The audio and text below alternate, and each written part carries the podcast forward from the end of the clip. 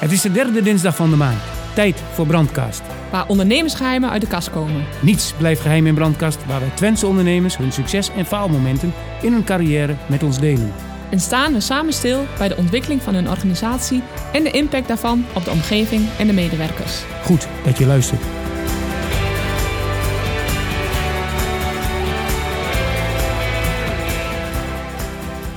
Meer dan 70% van de overnames van familiebedrijven lopen fout af. Dat ligt aan gebrekkige communicatie in maar liefst 60% van de gevallen. Zou dat onder andere het ja, ja in het Twents zijn? Maar het ligt ook aan een slechte voorbereiding. Hoe we dat weten? Dat weten we door onze gast vandaag. Ze is geboren in het Twentse land, opgeleid als journalist, dus onderzoekend van karakter en verbonden aan professionele instituten. Ze is coach, zoals ruim 75.000 andere coaches in Nederland. Maar ze is niet zomaar een coach. Ze is coach voor opvolgers in het familiebedrijf en auteur van het boek Familiezaken zonder ruzie. Welkom Esther Reiners. Leuk dat je er bent. Dankjewel. Ja, leuk dat ik hier mag zijn. Bedankt voor de uitnodiging. Ja, hartstikke leuk dat je er bent. Ehm, de luisteraars, wie is Esther Reiners eigenlijk? Esther Reiners is een geboren en getogen Almeloze. ehm, ondernemend van eh, aard. ehm, kom uit een ondernemersgezin. Ik heb journalistiek gestudeerd, maar ik ben altijd eh, freelancer geweest als journalist. Ehm, en via wat omwegen, dat zal ik je allemaal niet meer vermoeien, ben ik eh, in, de, in de coaching eh, gerold. Dus ik ben opvolgerscoach eh, op dit moment. Opvolgerscoach. Ja. Voor mij was dit nieuw, toen wij Ja. elkaar voor het eerst spraken. Maar hoe word je nou coach voor opvolgers in het familiebedrijf? Nou, allereerst werd ik gewoon coach. Zoals inderdaad die, eh, zei je, 75.000 andere coaches in Nederland. Er zijn er inderdaad ontzettend veel van. Ehm, ik heb de tweejarige opleiding gedaan bij De Baak. En ik ben begonnen met het, onder, eh, het coachen van ondernemers. En heel veel startende ondernemers. En omdat ik eh, zelf ook uit het familiebedrijf kom... wist ik dat er iets te doen viel zeg maar, voor familiebedrijven. En de coronatijd heeft me eigenlijk toe aangezet om me echt alleen nog maar op familiebedrijven te gaan richten. En specifiek op de opvolgers in het familiebedrijf. En toen dacht ik, nou ben ik een opvolgerscoach. Oké, dus je hebt eigenlijk de term opvolgerscoach heb je zelf geïntroduceerd. Dat heb ik wel zelf bedacht, ja. Oké, maar jij zegt de, de, corona heeft jou ehm, eigenlijk meer focus gebracht. Ja. Hoe, hoe gaat zoiets dan? Ehm, omdat ik eh, coach was voor ondernemers, eh, merkte ik in het begin, ja, waar iedereen toen een beetje in zat van, oké, lockdown, eh, alles ligt stil, wat gaan we doen? En ik dacht, ondernemers hebben nu zoveel aan hun hoofd dat, dat, dat ze misschien niet zo snel zullen kiezen voor een, een coach. En ik dacht, ik wil eigenlijk ook een essentieel beroep eh, hebben. Ja. En, eh, maar ik heb echt het gevoel dat ik in het familiebedrijf iets kan eh, bewerkstelligen. Door overnames vaker succesvol te laten verlopen. En hoe kom je dan zo bij, bij overnames en succesvol laten verlopen? Hoe maak je dan zo'n keuze daarvoor? Want er zijn heel veel richtingen die je als Nou, coach op kunnen gaan natuurlijk. Ik heb met mijn man samen bij mijn vader in het bedrijf gewerkt. En gewerkt dus. Dus we zijn er ook weer uitgegaan. Oké, En daar komt eh, mijn idee vandaan dat er dus heel veel te doen is eh, op eh, ja, het vooral een stukje communicatie. Om overnames vaker succesvol te laten verlopen. oké. want, want is zo'n, je zegt ik heb bij mijn vader in het bedrijf Ja. gezeten. En daar ben ik ook weer uitgestapt. Ja. Is dat dan niet succesvol verlopen? Of wel De succesvol? overname is niet succesvol verlopen naar ons toe. Maar het bedrijf bestaat nog steeds. En mijn oom zit nu bij in het bedrijf. Dus, dus ja, uiteindelijk is het wel zakelijk succesvol. Oké, Ehm, dus daarom zeg ik ook, eh, overnames gaan vaker fout dan goed. En ook als het goed gaat. Want eh, in de familie kan er alsnog heel veel gebeurd zijn. ja, dus ja, eigenlijk ben je ook ervaringsdeskundige. Ik ben het is ervaringsdeskundige. niet alleen van en horen zien, horen en zeggen. Het is ook gewoon meemaken. het is ook meemaken. Beleven. Jazeker. Maar ik wil wel echt even zeggen, de relaties zijn heel goed. Eh, er is heel veel gebeurd. Maar ik ben heel gelukkig met mijn vader. En ik heb het boek aan mijn vader, het boek wat ik geschreven heb, aan hem mogen overhandigen. Dus eh, Kijk eens, wat- inderdaad, je hebt, je hebt een boek geschreven, hè? Ja. Familiezaken zonder ruzie. Ja. Nou, dat, eh, de titel geeft het al Ja. aan. Ehm, en dan ben ik direct eh, benieuwd. Zonder, gebeurt er dan heel veel met ruzie? Of, of? Ja, ehm, er, ge- er gebeurt veel in een familie. En ik weet niet of je het altijd ruzie moet noemen of gedoe. Hè? Dus wat is de definitie van, van ruzie? Ja. Ehm, maar ja, het gaat heel vaak dus niet goed, een overname. En eh, daar spelen vaak wel emoties een rol bij. Dus ehm, Ja, dat, we worden, er- blijven veel mensen gekwetst eh, eh, blijven achter, zeg maar. Dus dat, dat gebeurt echt veel. en dat heb jij beschreven in je boek. Ja. ik aan. Ja. Want ik heb, ik heb het boek nog niet mogen lezen. Het is nog niet, niet zo lang uit. Maar wanneer is het uitgekomen? In februari. In februari. Dus, en, en gaat het goed met de verkoop? Ja, ik ben wel tevreden. Oké, kijk eens. Dus en ongetwijfeld geef je er ook lezingen over, denk ik. Ja. Heel Ja. leuk. En, eh, nou, en, maar, maar wat maakt jouw boek nou zo bijzonder? Want over opvolging of overnames zijn toch al best wel veel boeken geschreven. Ja, er is, er is wel meer geschreven over bedrijfsopvolging, maar het, het heeft heel vaak een financiële insteek. Eh, of het is echt gericht op de overdrager. Van hoe zoek ik eh, een opvolger of hoe, hoe regel ik dat? Maar ehm, omdat de overdrager de opvolging in gang zet, en dat, zo moet het ook. Jij zegt de, op, de, de, de, overname, de opvolger zegt de overname in gang. De overdrager zet de, eh, de opvolging in, eh, in gang. Ja. En, en eh, ga- klopt dan vaak aan bij zijn accountant. En dat wordt dan een, een overnameadviseur. Ja. En dat wordt dan tegelijkertijd de adviseur van de opvolger. Maar wie staat er nou eigenlijk naast de opvolger? Dus mijn boek is helemaal geschreven voor de opvolger. En dat is ook de ervaring die je zelf hebt meegemaakt. Ja, dat, dat je eh, eh, als opvolger eigenlijk niet... Ik kon toen in die tijd niet genoeg informatie vinden over hoe ga je daar nou mee om. Ja. Als je een bedrijf van een familielid, in dit geval van mijn vader, overneemt. Ja. En ehm, eh, ja, ik, ik als coach richt ik mij dus nu ook op de opvolger. En zo is mijn boek dus ook... eh, Want is dat nou zoveel anders dat je een bedrijf overneemt van je, van je vader of van je oom of van je broer of van je zus dan van een ander? Is, Dan- is een overname in een Ja. familieomgeving anders? Dat is eigenlijk een betere vraag dan de niet-familieomgeving. Absoluut. Eh, ja, je hebt te maken met familie. Ja. Eh, het is dus eh, niet alleen een puur zakelijke overname. Ehm, als je een bedrijf eh, zakelijk overneemt, dan eh, op een gegeven moment gaat de, oude- de vorige eigenaar vertrekt. Ja. En in feite heb je daar ook geen eh, contact meer mee, zeg maar. Met familie is het natuurlijk anders. Ehm, daarbij heb je te maken met broers en zussen. Ehm, een, bedrijf kan al generaties lang in de familie eh, zitten en vertegenwoordigt bepaalde. eh, ja, of een, een, mensen ontlenen hun identiteit zeg maar, aan, het, eh, aan het bedrijf misschien. Ja. Dus het is veel complexer. Een tijdje terug hadden wij wel door Zuiderveld in, eh, in brandkast, hè, in, eh, in de aflevering. Dat ging echt over overnames, hè, hoeveel, Ja. welke, hoeveel het waard was en eh, de factor en zo. Mhm. Dat is een beetje de financiële kant. Eigenlijk zeg jij, het is meer de, de, de menselijke kant ook die je begeleidt als coach van, van, van die overname van het proces. Of, Ik bemoei me eigenlijk alleen met de menselijke kant en de, en de relationele kant.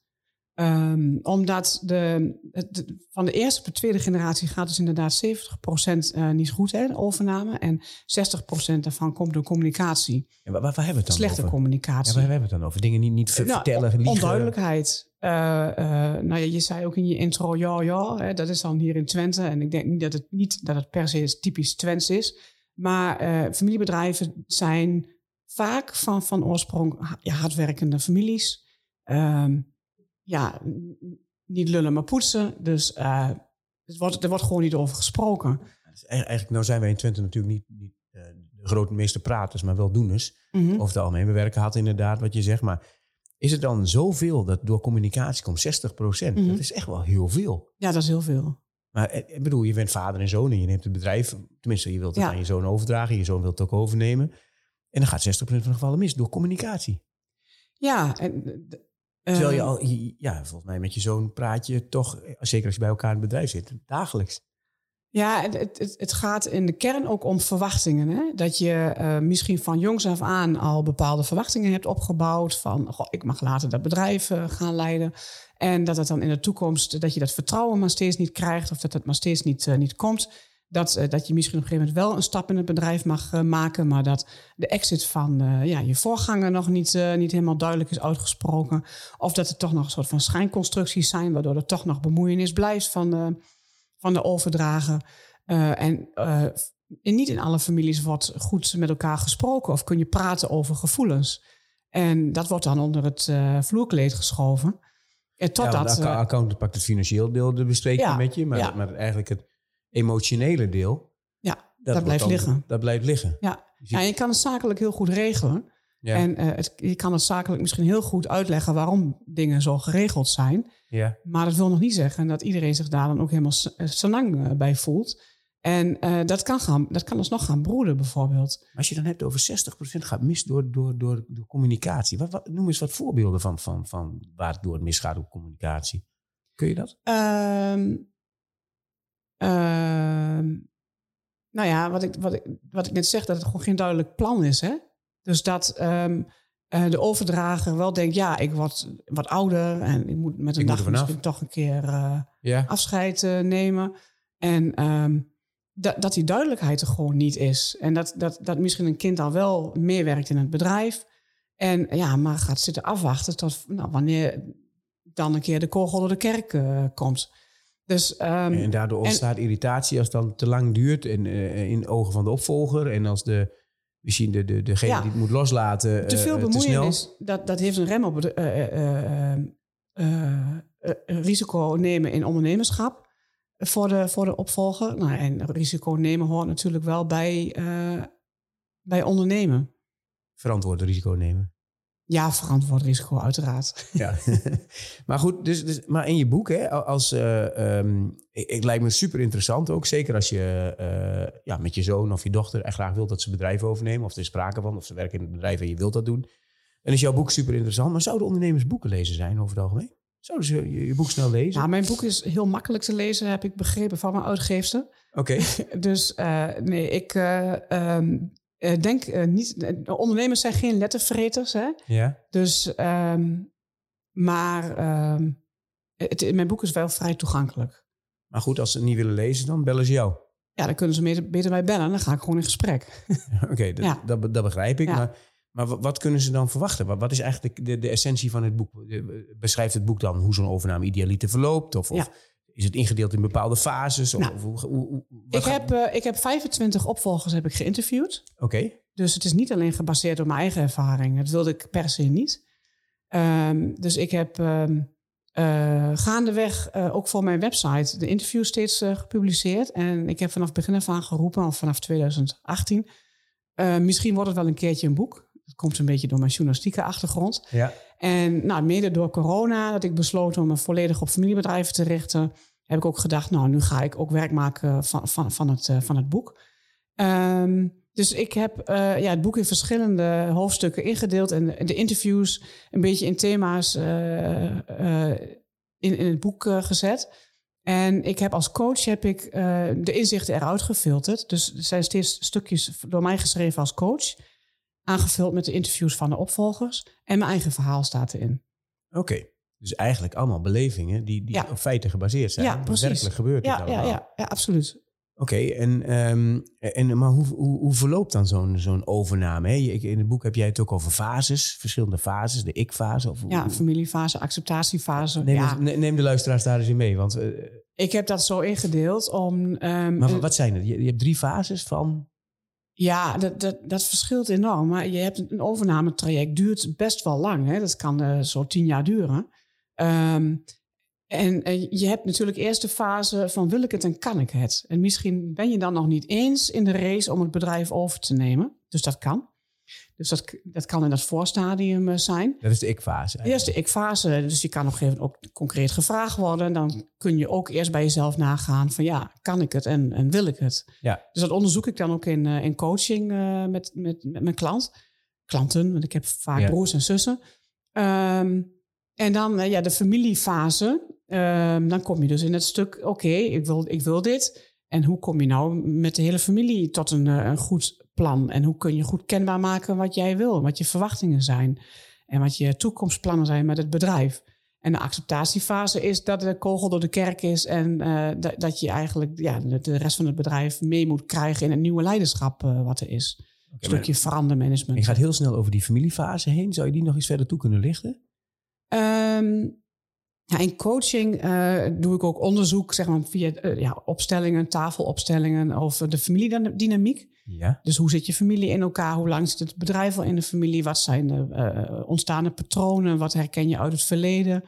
Ehm, ja, dus wat is logisch in de familie en wat is logisch in het bedrijf? Ehm, hoe zijn de relaties eh, onderling? Eh, hoe ga je samenwerken met iedereen? En, en hoe communiceer je ook met, met alle partijen? Ehm, en daar ondersteun ik dan met name de opvolger in. Dat is Oké, nu de familiefase. Het onderwerp waar vaak om misgaat op die communicatie. Ja, ja, precies.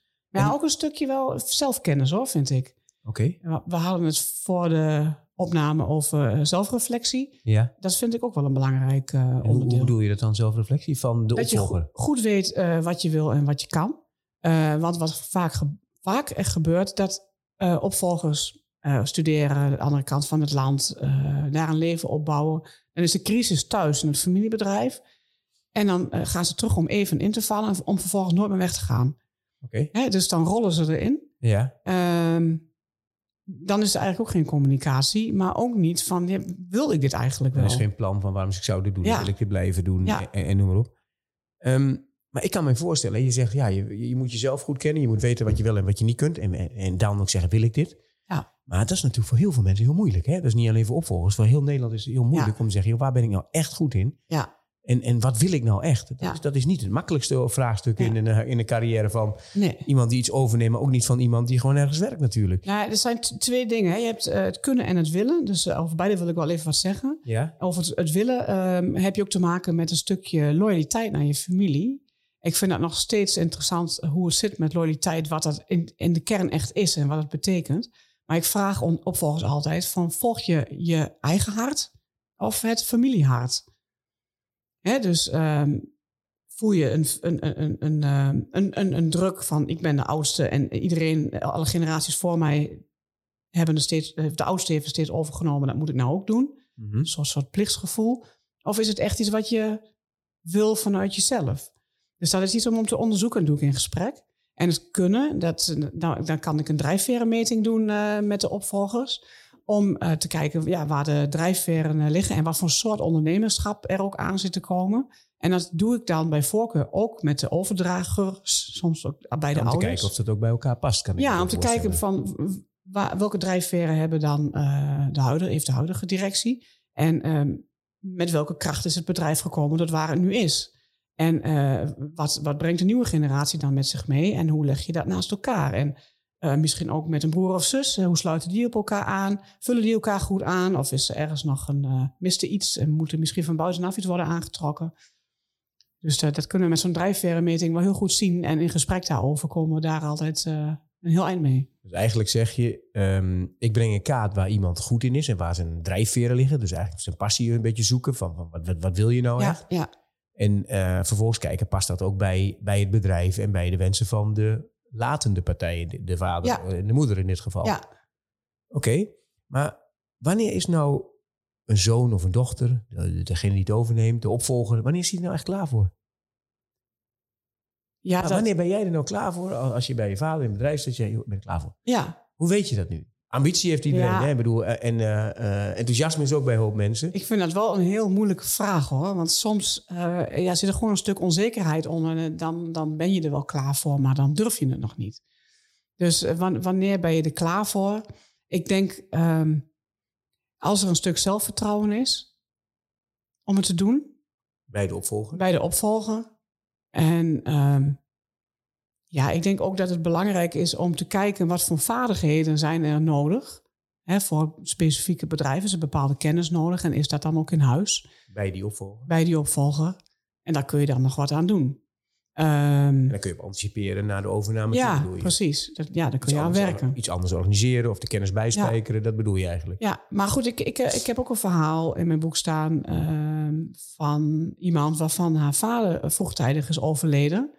En zij heeft het bedrijf gewoon overgenomen en het is gewoon gelukt. Hè, dus ehm, vaak kun je meer dan je denkt. Ja. Dus wanneer ben je er klaar voor? Ja. Ik weet niet of daar, daar is, dat is niet een regel voor. Nee, ja, ik, ik ja, het is misschien gek, maar je vergelijkt het een beetje met de kinderen. De een laat, mee, laat de kinderen soms vaak lager, sneller los dan de ander. Ja, En, eh, en de ander heeft ze zeg maar heel lang aan het handje en eh, ja. neemt ze overal mee Ja. naartoe. ja, maar het heeft wel heel veel met vertrouwen te maken. Hè? Dus ehm, En kon- Ik zie het ook bij mijn eigen kinderen die heel jong zijn nog, of relatief jong. Ehm, als je ze soms iets toevertrouwt, dan, dan, dan gaat het best wel goed. Dus mijn, mijn jongste die ehm, moet wat meer door de stad fietsen bijvoorbeeld. En ik, ik zie dat nog niet zo zitten. Maar hij heeft het laatst wel eens een keer gedaan. En toen zegt hij, ja, hoe moeilijk is het eigenlijk? Ik kan dat gewoon hoor. Weet je, dus Ja. dat is dan even een vergelijking. Maar En het is dan ook zo dat de opvolgers eigenlijk vaak sneller willen dan degene die, eh, die moet ja, loslaten. die zijn jong en ambitieus hè. Dat is wel vaak, eh, vaak zo. Ja, wat- geduld wat- is een schone zaak. En wat doet dat dan in zo'n proces? Ja, dat, dat, dat kan wel heel erg gaan wringen. Want de jonge opvolger staat te springen. eh, heeft ambitieuze plannen. eh, wil veranderingen doorzetten.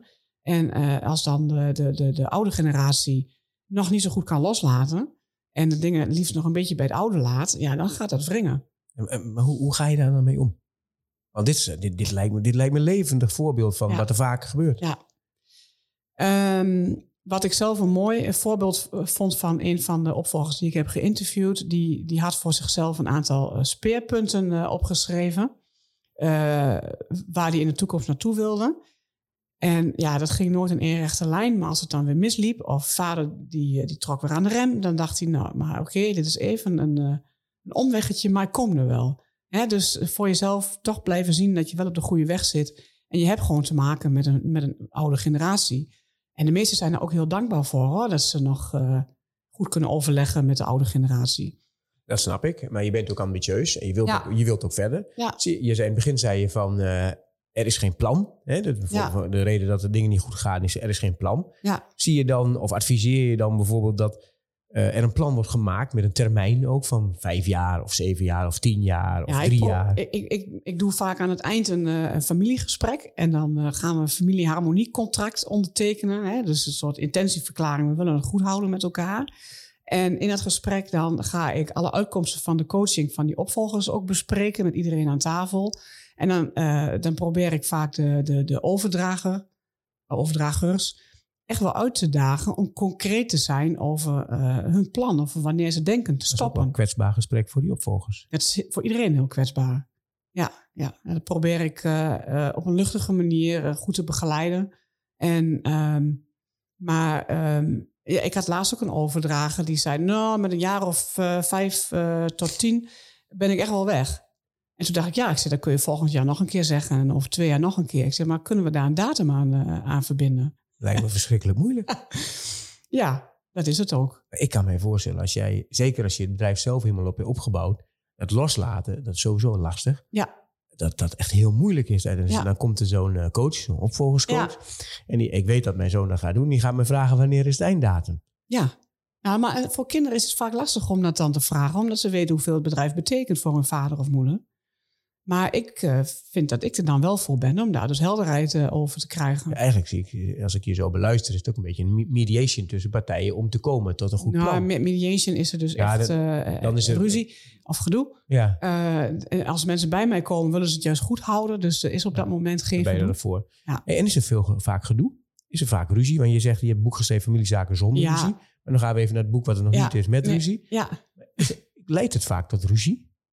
Ehm, ja, de, de verhalen die zijn er eh, genoeg eh, van eh, familieleden die, waar geen contact meer mee is. Of met een vader ja, wa- waar die, waarmee je niet meer onder de kerstboom zit, zeg maar, met de feestdagen. Dus ehm, er gebeurt wel veel, ja. En is dat dan, ja, komt dat ook in jouw praktijk voor? Is dat dan nog te lijmen? Nee, ik kom dat niet tegen, omdat ik voorsorteer hè, op, op een goede... Goede harmonie. in goede harmonie. Zonder, daarom heet het ook zonder ruzie. Dus, ja, eh, precies. Ja. Goed zo. Maar nou, nou zit ik te denken, hè, als jij eh, een bedrijf moet kopen als opvolger van, van een externe partij, die ken je niet, je, je koopt het en je gaat daar eh, vol swing aan de slag. Dat, dat lijkt me toch echt wel wat anders dan je van je vader het bedrijf over moet nemen. Ja, want je houdt als kind rekening met je vader. Op een andere manier dan dat je dat zou doen als je een extern bedrijf. eh, En mis je bij Of- liever of zo? Ja, of softer? Of hoe moet ik dat zien? ehm, ja, weet je, als je een bedrijf overneemt, dan heb je dus ergens eh, de financiering goed geregeld om een bedrijf te kunnen overnemen. Dus je, de hele verhouding is anders. Ja, die financiering is misschien wel je vader. Dat zou ook nog zo kunnen. Ja.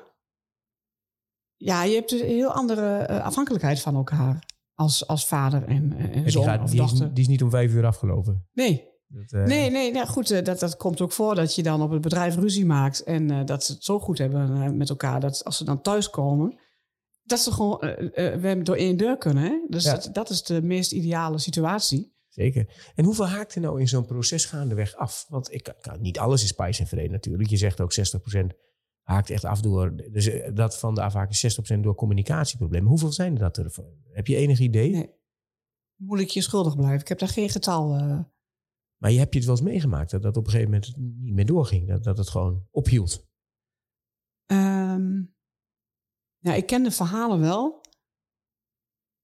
Ehm, Maar ja, dat zelf meegemaakt? Nee. Hoe, bedoel je dat? Eh, eh, letterlijk in de dat, praktijk? dat is zo'n pro- proces waar ze eigenlijk zeggen... nou, in Pijs en Vrede we willen dat goed oplossen samen... we willen een plan maken, dat, dat toch uiteindelijk het escaleert... en dat mensen zeggen van ja, we gaan het toch niet doen.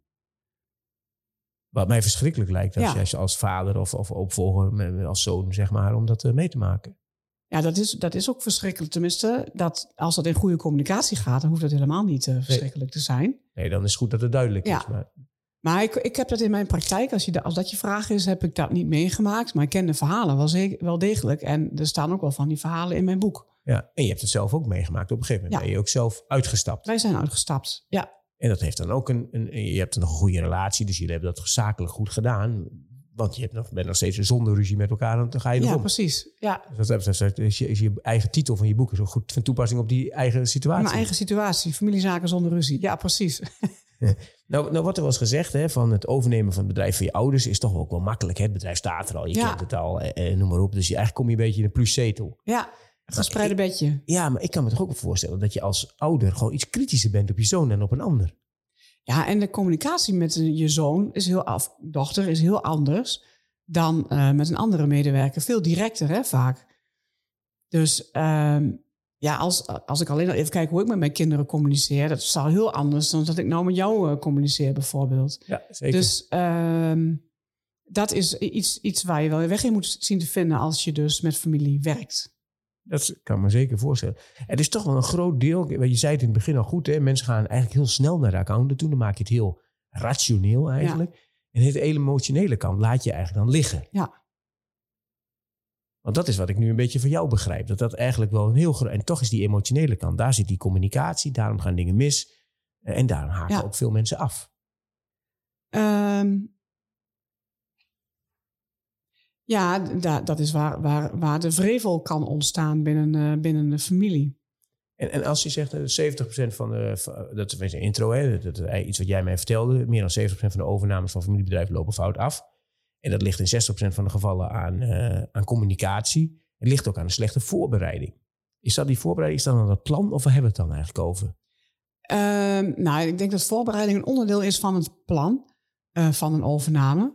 Ehm, ik denk dat je een tijd moet reserveren om de opvolger ook eh, goed in te werken en voor te bereiden op de taak eh, die, die voor hem of haar eh, ligt. En dat is die voorbereiding. Dat is die voorbereiding. Ja, nou ja, dat is dus een stukje onderzoek. Wil ik het, kan ik het? Ja. Maar ook misschien een stuk meewerken in het bedrijf, ervaring, kennis opdoen. Oké. En, en je, nou ja, je weet nu inmiddels, je komt bij veel familiebedrijven. Hè? Je spreekt heel veel opvolgers. Mensen die, eh, mensen die het bedrijf willen overdragen aan hun kinderen. Die moeten loslaten. Ehm, er zijn heel veel familiebedrijven in Nederland.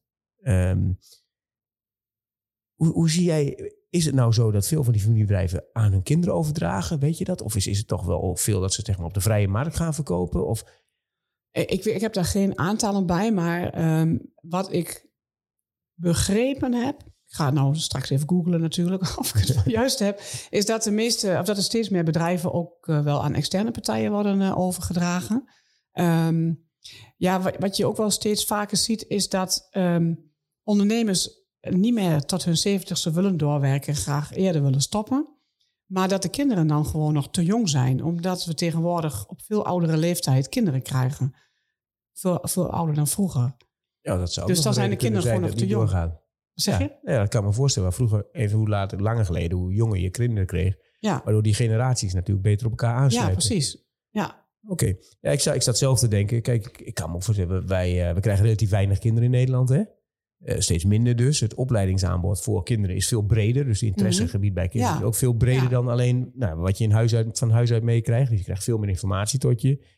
Dus dat zou ook kunnen leiden tot minder interesse in het, over, in het bedrijf van de ouders. Dus maar wat jij zegt, dat ook jongere kinderen is natuurlijk ook een goede. eh, ja, ja. een goede. ja ik, ik weet niet of een, een, een, ehm, een breed opleidingsaanbod leidt tot minder interesse in het familiebedrijf. Dat vind ik wel een interessante. Ja, nee, maar ik zit, zit me zo te denken. Kijk, je, er zijn natuurlijk vroeger had je, had je wat minder eh, verschillende disciplines om te leren. En, en Ja. nu zijn er zoveel verschillende andere. Het is ook even wat Ja, me nu in me op te binnen schiet. Van ja, eh, dat je eerder misschien een al heel andere interesse krijgt dan bijvoorbeeld het bouwbedrijf van je vader. Of de, de timmer Kinderen van- krijgen meer kansen. Hè? Ja. En, eh, ja, ik bedoel, de, de vaders zijn ook wel bekend van de, de opvolgers die gewoon moesten opvolgen. Ja. Hey, en, en als nou, ehm, want ik weet zeker dat, dat er mensen luisteren naar de podcast die denken, ja, eh, eigenlijk, hè, de- ik snap het, want het is, heel, het is eigenlijk heel logisch dat je automatisch naar je accountant gaat. Dat is eigenlijk wel iets waar je dan, Ja, tuurlijk. eh, maar als ik jou zo beluister, is dat, dat, dat, dat relationele aspect, het emotionele Ja. aspect, eigenlijk ook heel, heel erg groot. En misschien nog wel belangrijker Ja. in het begin dan het, de accountant inschakelen. je, je kan niet zonder eh, een accountant, hè? dus laten Nee, we dat wel wezen. Nee, dat moet toch dus goed geregeld worden. kun je- moet je wel op, op, op een financiële manier goed, eh, goed regelen. Ehm, maar als je wil dat het bedrijf in harmonie wordt eh, overgedragen, dan is het zeker wel belangrijk om eerst ook met de opvolger in gesprek te gaan. En eh, dat, dat kan dus inderdaad via mij, bijvoorbeeld via een eh, opvolgerscoach. En, en ben jij dan de enige opvolgerscoach in Nederland? Hebben mensen de naam ook al van je gekopieerd? Nee, dat heb ik nog niet gezien. Ehm, nee, volgens mij ben ik de enige opvolgerscoach, maar ik ben niet de enige die dit doet natuurlijk. Nee, dat begrijp ik ook. Maar goed, je hebt eigen ervaring, je hebt het zelf meegemaakt, je hebt eh, een hoop mensen ge- geïnterviewd. Ja. En, en hoe ziet dat voor jou de komende jaren eruit? Ehm, nou, ik eh, ben van plan om nog heel veel familiebedrijven eh, te gaan helpen. En familieharmoniecontracten te ondertekenen. Eh, om heel veel overnames in eh, succes, met succesvol en harmonie. Nou ja, daar kom ik er niet meer uit. In ieder geval succesvol te laten verlopen en in En harmonie. harmonieus, ja, harmonieus, precies, dat is ja. een mooie omschrijving. Nou, Dat klinkt heel goed. Ik, ehm, je hebt mij over, overtuigd in ieder geval, Ja. voor wat het waard is. Ik denk dat je de, luisteraars ook duidelijk hebt uitgelegd wat nou ja, het verschil tussen de, de rol van een accountant en ook de rol van, die jij eigenlijk invult. Hè? Het, en ik, ja, dingen die me bijblijven is dat zo'n overnametraject is heel lang. Jij zei al zelfs tot tien jaar. Eh, Je hoeft niet ehm, hoor, maar dat, eh, Nee, ja. maar dat kan, hè? zeker als de Ja. kinderen net beginnen in het bedrijf. En dat je toch ergens een plan moet hebben om dat goed, eh, goed te doen. Nou, het boek beschrijft de fases, de ik-fase, de familiefase en accept- acceptatiefase. Ja, en als, als je geen lezer bent, kunnen ze jou toch altijd bellen? ja, zeker. Altijd. Ja, nou, het boek beschrijft vooral de ervaringsverhalen van andere opvolgers. Oké, En die fases komen wel aan bod. Maar het gaat vooral om ervaringen van andere opvolgers. eh. oké, goed zo. Nou, ik denk dat het leuk is om te lezen. Ik ga het doen, dus ik ben Ja. heel nieuwsgierig. Dank dankjewel voor je aanwezigheid. Ik vond het heel leuk om, eh, om te horen over eh, familiezaken zonder ruzie. Nou ja, en Ja. harmonie, dat harmonieus dingen gaan. Dat is natuurlijk super. En eh, nou ja, ik hoop dat je nog inderdaad heel veel bedrijven mag helpen. En ik vond het ontzettend leuk dat je hier was. Dankjewel. Dankjewel, dankjewel. Natuurlijk zijn wij benieuwd welke ondernemerslessen jij hebt opgepikt in deze podcast. We horen het graag via de socials. Gebruik vooral de hashtag brandkast. En wij vinden je vast en zeker. Ben jij of ken jij een Twentse ondernemer die een verhaal heeft te vertellen dat het toe doet? Of een geheim heeft dat gedeeld moet worden? Laat het ons weten. Tot de derde dinsdag, tot Brandkast, waar ondernemersgeheimen uit de brandkast komen. Brandkast is een productie van het Ondernemersmagazine.